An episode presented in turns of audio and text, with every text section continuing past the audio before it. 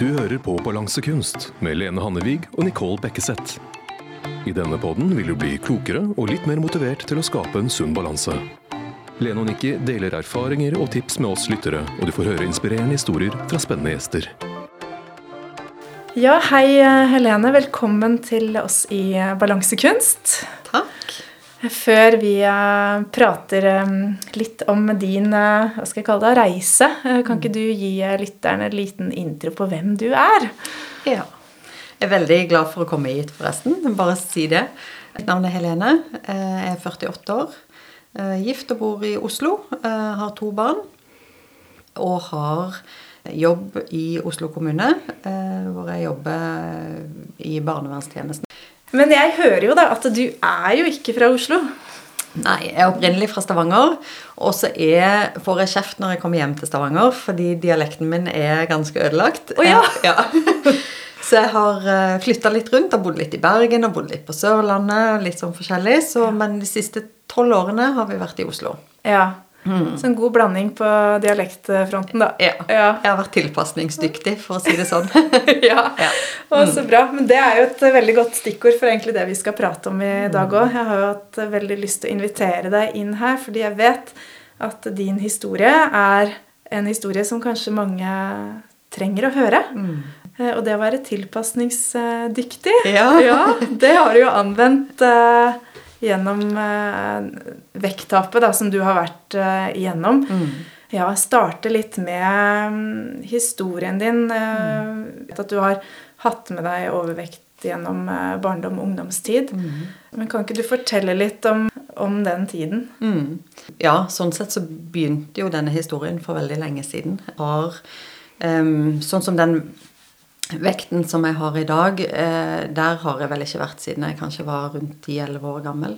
Sånn at det er Jeg har slitt med overvekt hele livet.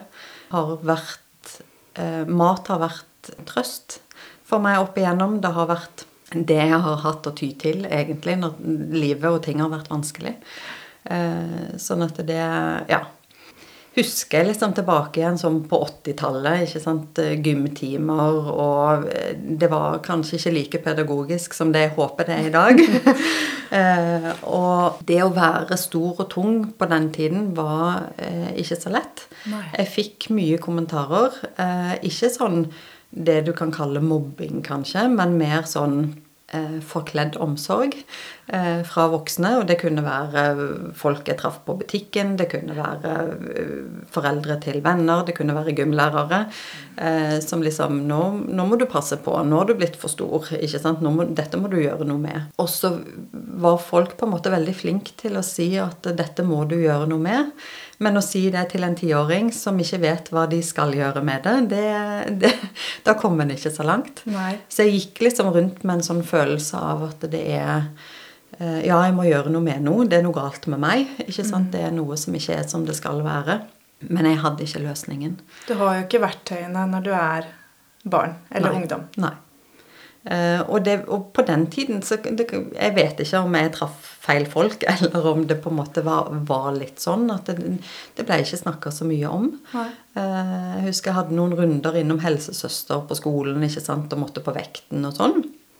Og da ble det bare konstatert at ja, nå går det feil vei. ikke sant? Men uh, veldig lite verktøy til hvordan en skulle gjøre det. Og familien ble lite involvert. og så har jeg hatt en litt sånn oppvekst hvor jeg har vært overlatt en del til meg sjøl og måtte klare meg mye sjøl. Og da har jeg ikke klart å finne ut av dette på egen hånd, på en måte. Nei. I dag så er det jo eh, også et problem dette med barnefedme. Det mm. øker jo mer. Så det er jo ikke noe som hører historien og 80-tallet til, eh, tenker jeg da. Dette, hva tenker du om det i dagens samfunn? Jeg tenker det er så viktig at vi når ut eh, til eh, foreldre og til skoler og til alle som på en måte jobber med barn og unge.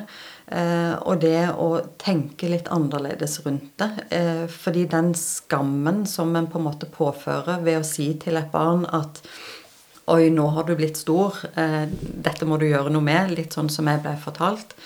Eh, det fører ingen vei hen. ikke sant? Altså, det gir jo bare en dårlig selvfølelse ikke sant? et dårlig selvbilde som, som ikke hjelper for noen ting. Nei. så det å, å, kunne gi gode verktøy ikke sant? og gi riktig informasjon til de som kan hjelpe disse barna, mm. eh, er kjempeviktig. Og du jobber jo tett med dette her sjøl i dag òg, eh, mm. så det er jo tydelig at du tar med deg selv mye inn i ditt virke Absolutt. Eh, i dag. Men eh, hvis du tenker sånn i dag f.eks. hvis man er forelder, og noen av barna i klassen mm. Du ser at de er overvektige, kanskje lider av, mm. av fedme. Mm. Hva kan man gjøre da ja. som utenforstående? Skal man bry seg? Mm. En gang for mye, en for lite? Eller hva, hva tenker du om det? Oh, det er vanskelig spørsmål spørsmål, syns jeg. Fordi det er jo litt, litt, sånn som jeg sier, at jeg kunne få en del sånne kommentarer ja. som nok var velmenende og forkledd omsorg, som jeg kaller det for.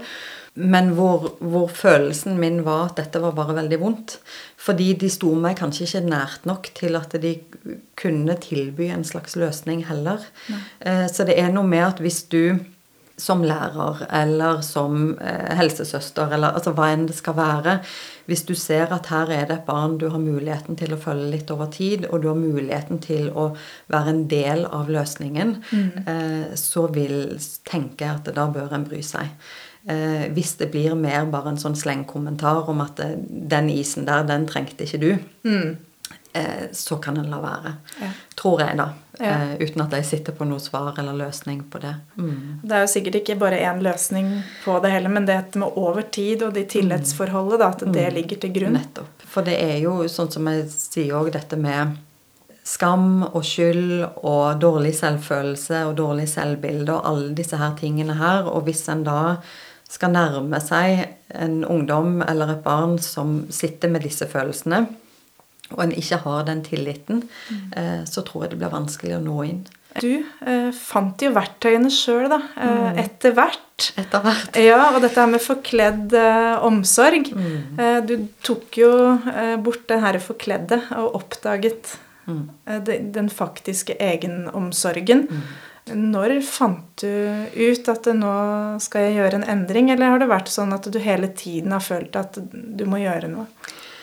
Jeg har nok, altså sånn som jeg sier, jeg har, tror jeg har gått opp noen hundre kilo og ned noen hundre kilo i løpet av livet. Så jeg har liksom alltid følt at dette er noe jeg må gjøre noe med.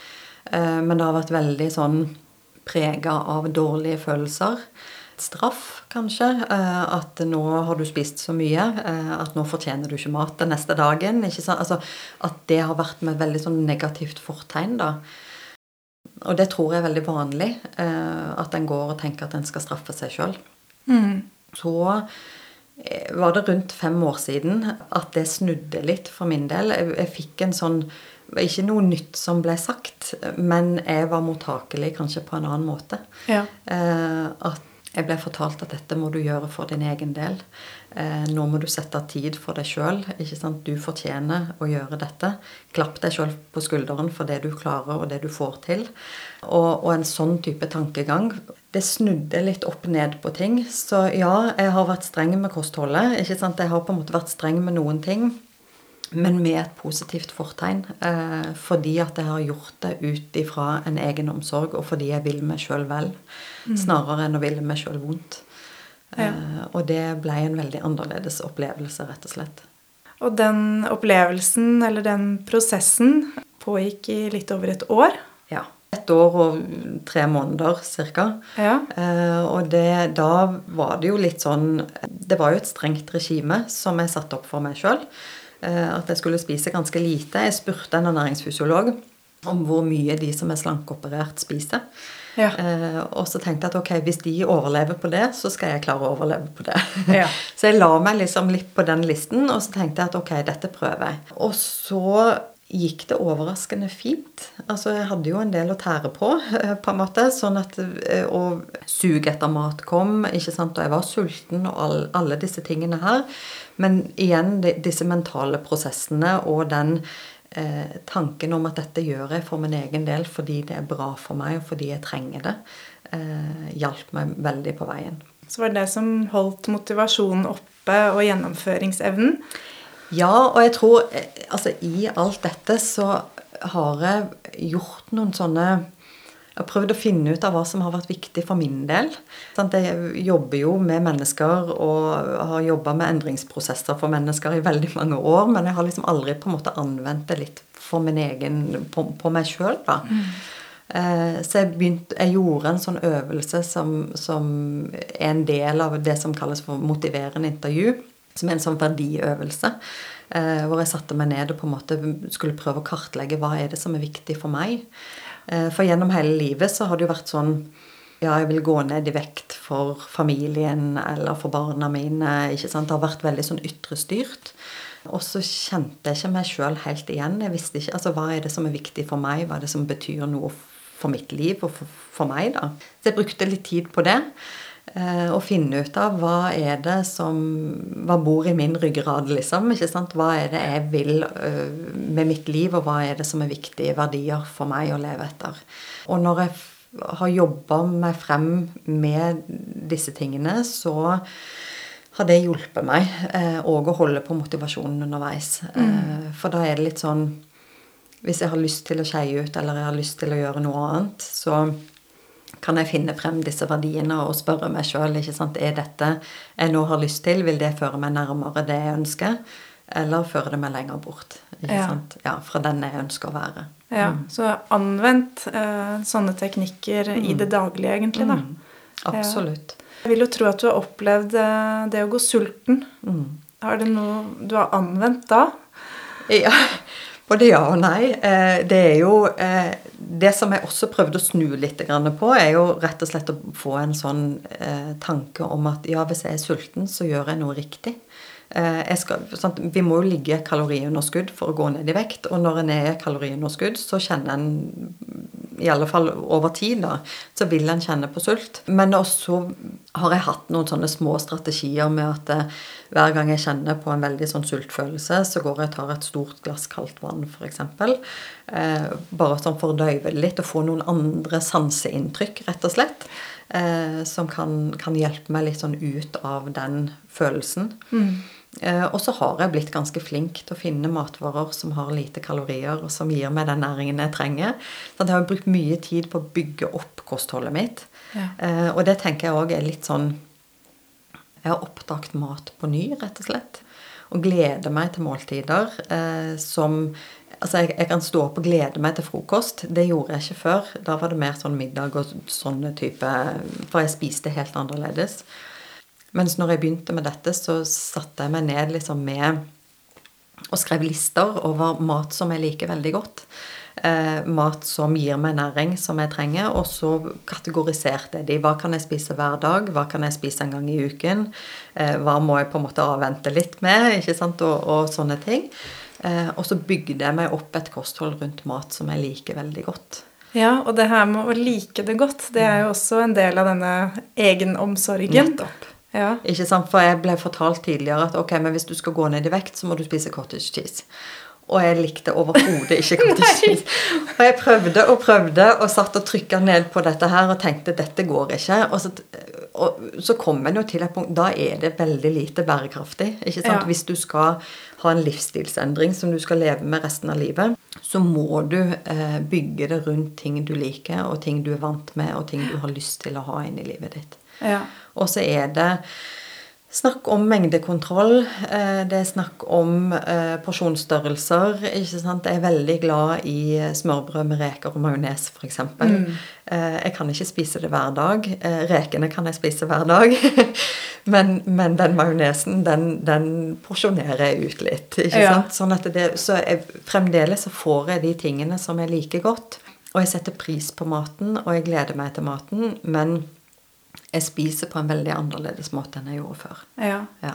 Opplever du det bedre nå? Mye bedre. Ja. ja. Før så kunne jeg sitte eh, og spise pizza med familien, og så at vi hadde bestilt en pizza, f.eks. Og så når måltidet var ferdig, så hadde jeg ikke fått med meg at jeg hadde spist. Nei. Rett og slett. Mens nå spiser jeg på en helt annen Altså dette med oppmerksom Altså mindfulness, ikke sant, og det å være oppmerksom på det en gjør. Jeg kan fremdeles finne meg sjøl til å spise litt foran TV-en hvis det er en serie jeg følger med på, eller et eller annet. Men, men jeg er alltid veldig observant på maten jeg spiser. Hvordan smaker det? Hvordan kjennes det ut? ikke sant, Og sånne ting. For ja. å, å sette, setter pris på maten på en helt annen måte nå. Det er så godt å høre, men jeg blir også veldig nysgjerrig på For det er jo forholdet til mat litt sånn praktisk. Mm. Eh, hvordan møter du det her med sånn stress og uro i kroppen, eller den tristheten da, som du snakket om tidligere? Eh, hvordan møter du den annerledes i dag? Det har jo kanskje vært en av de største utfordringene. For jeg har vært en veldig sånn Jeg har spist på alle følelser. ikke sant? Og jeg har hatt en ganske stressende jobb innimellom. Eh, så da du før meg Altså før eh, et stressende møte, så kunne du finne meg mm, inne på kontoret eller på toalettet for den saks skyld. ikke sant, Og måtte spise noe for å døyve det stresset. Og jobben forsvinner jo ikke for det om en eh, endrer måten å spise på. Men, men jeg har jo måttet jobbe veldig med meg sjøl og dette med stressmestring og det å eh, finne ut av hva kan være andre strategier som jeg kan bruke. Eh, etter hvert så har jo fysisk aktivitet blitt en sånn ting. Jeg har jo vært en som ikke har likt fysisk aktivitet i det hele tatt. Nei. Jeg har ikke fått det til. Jeg har følt så lite mestring eh, og hatt egentlig bare vonde og dårlige følelser knytta til det med å være fysisk aktiv. Og så har det snudd. Mm. På en fantastisk måte, egentlig. ja. men, men, så det hjelper meg veldig nå, da. Mm. Ja, Hvordan kan du bruke det f.eks. hvis du har stressende dager på jobb, eller mm. du vet at du kommer i en periode med høyere stressbelastning? Mm. Eh, det som jeg gjerne gjør da, at jeg i, prøver å legge inn i kalenderen min at jeg får til bare, om ikke annet enn at jeg går rundt kontorbygningen, liksom. Eh, kommer meg ut, får litt frisk luft, eh, får lufta meg litt. Det kan være en måte. Jeg er blitt en racer på å planlegge. Ja. Sånn at det gjør jeg hver eneste søndag. Så sitter jeg og planlegger neste uke. Da vet jeg sånn noenlunde hvordan uken ser ut, med møter og ting som jeg skal være med på. Og da planlegger jeg Jo mer stressende det er, jo mer detaljert planlegger jeg. Og så legger jeg kanskje en plan B og en plan C. Mm. I tilfelle jeg ikke får gjennomført det jeg tenker. Og det handler både om eh, det å komme meg ut og få meg en liten luftetur, og det handler om maten. Mm. Sånn at jeg er forberedt på det som kommer. Ja, mm. Så fra å leve mye mer følelsesstyrt, ja. eh, så kjenner du nå at det er du mer som sitter i førersetet og ja legger føringer. Og så er det og litt i tråd med dette, dette med egenomsorgen. ikke sant, At hvis jeg da ikke får det til en dag For det skjer jo. Eh, alle planene mine går i vasken. Det ble noe helt annet enn det jeg hadde tenkt. Eh, og da istedenfor å gå inn i en sånn ja, nå fortjener du ikke bedre, ikke sant? dette får du ikke til, mm. Eh, så er det mer enn sånn ok, nå ble det sånn i dag, hva kan vi lære av dette? Ja. Eh, hva tar jeg med meg videre når jeg da skal Når jeg har mine søndager, ikke sant, hvor jeg bruker kanskje fem minutter på å evaluere forrige uke, og 15 minutter på å planlegge neste uke, så blir det litt sånn eh, hva kan jeg lære av den glippen som jeg hadde nå? ikke sant, Hvordan skal jeg unngå den i fremtiden. Mm, så du jobber aktivt med deg sjøl fortsatt, eh, hele egentlig hele tiden. Mm. Men det er kanskje det en sunn livsstil handler om? Jeg tror det, og jeg tenker Det er jo litt sånn Jeg sier litt sånn at det er eh, Jeg kommer alltid til å være sykelig overvektig uavhengig av hva jeg veier. Eh, jeg oppfyller jo ikke kravene til å være det nå, men dette er en kronisk lidelse som jeg må ta hensyn til resten av mitt liv. Mm. Andre har andre kroniske lidelser som de må ta hensyn til. Og dette er en, en del av det som jeg må, jeg må skape rom for i mitt liv, rett og slett. For å leve med. Sånn at jeg kan ha et så godt liv som mulig. Jeg tror ikke vi har sagt hvor mange kilo du har gått ned. Jeg har gått ned 73 kilo. Ja. Mm. Så det er ganske mye. Det er uh, mye. Og hvis mm. noen hadde sagt til meg når jeg begynte denne reisen, at du skal gå ned så og så mye, så hadde jeg aldri trodd på det. Og det var ikke en tanke i mitt hode heller at det var mulig overhodet.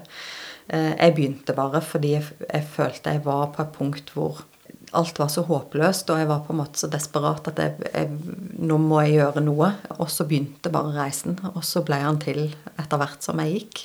på en måte.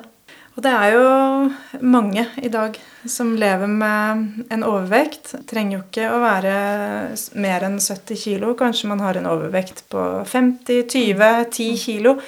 Men hvis man kjenner på den utilfredsheten, mm. og man veit ikke helt da hvordan veien blir Men hvis du skulle kommet med noen råd eller tips til et menneske da som mm. kjenner at jeg må mm. gjøre noe, men jeg veit ikke helt. Jeg har prøvd alt. Jeg har levd med dette her mm. i så mange år.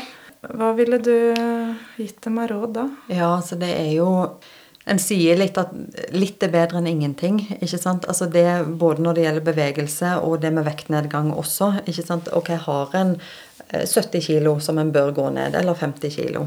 Og ikke, ikke sette seg så veldig store og hårete mål, kanskje, men dele det opp. Sånn at det ikke kjennes så veldig uoverkommelig ut. Jeg må bare begynne et sted og sette én mm. fot foran den andre. Eh, og det er eh, sånn som når jeg begynte, så når jeg hadde gått ned fem kilo, så følte jeg jo at det var en kjempeseier. Ikke sant? Dette fikk jeg faktisk til. Ok, jeg prøver fem til.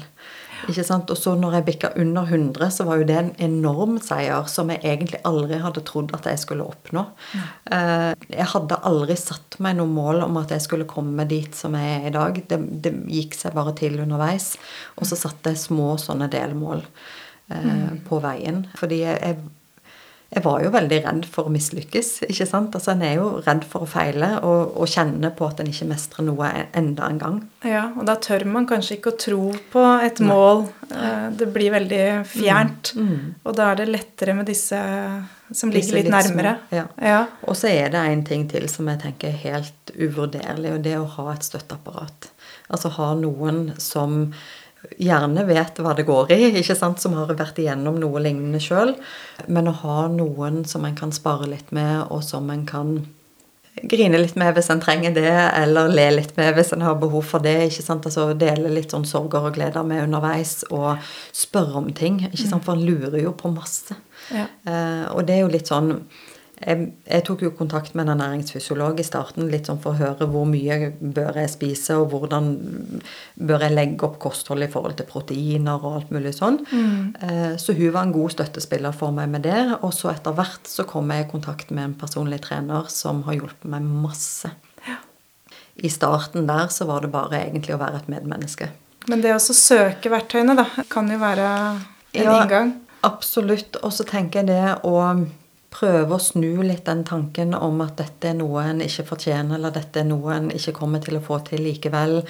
Eh, hvis du søker hjelp et sted hos noen støttepersoner, de kommer til å tro at jeg er rar, eller at det, at det er noe galt med meg, eller ikke sant at jeg men å snu alle de tankene der til, til noe positivt, mm. så tenker jeg at det òg er Eh, for når håpløsheten er der, og en kjenner at en ikke har noen vei videre, så føler en kanskje ikke at en kan ta kontakt med noen heller. Men å rett og slett vite at det kan en. Alltid. Det kan man. Ja. ja. Mm. Tusen takk, eh, Ikke Sterk historie, men jeg håper at dette her kan bidra til at eh, man tross håpløshet velger å stole på at veien blir til mens man går. Mm. Mm. Og det er mulig. Du lyttet til Balansekunst med Lene og Nikki. Hold den sunne balansen ved å følge oss på Facebook og Instagram under balansekunst.podkast.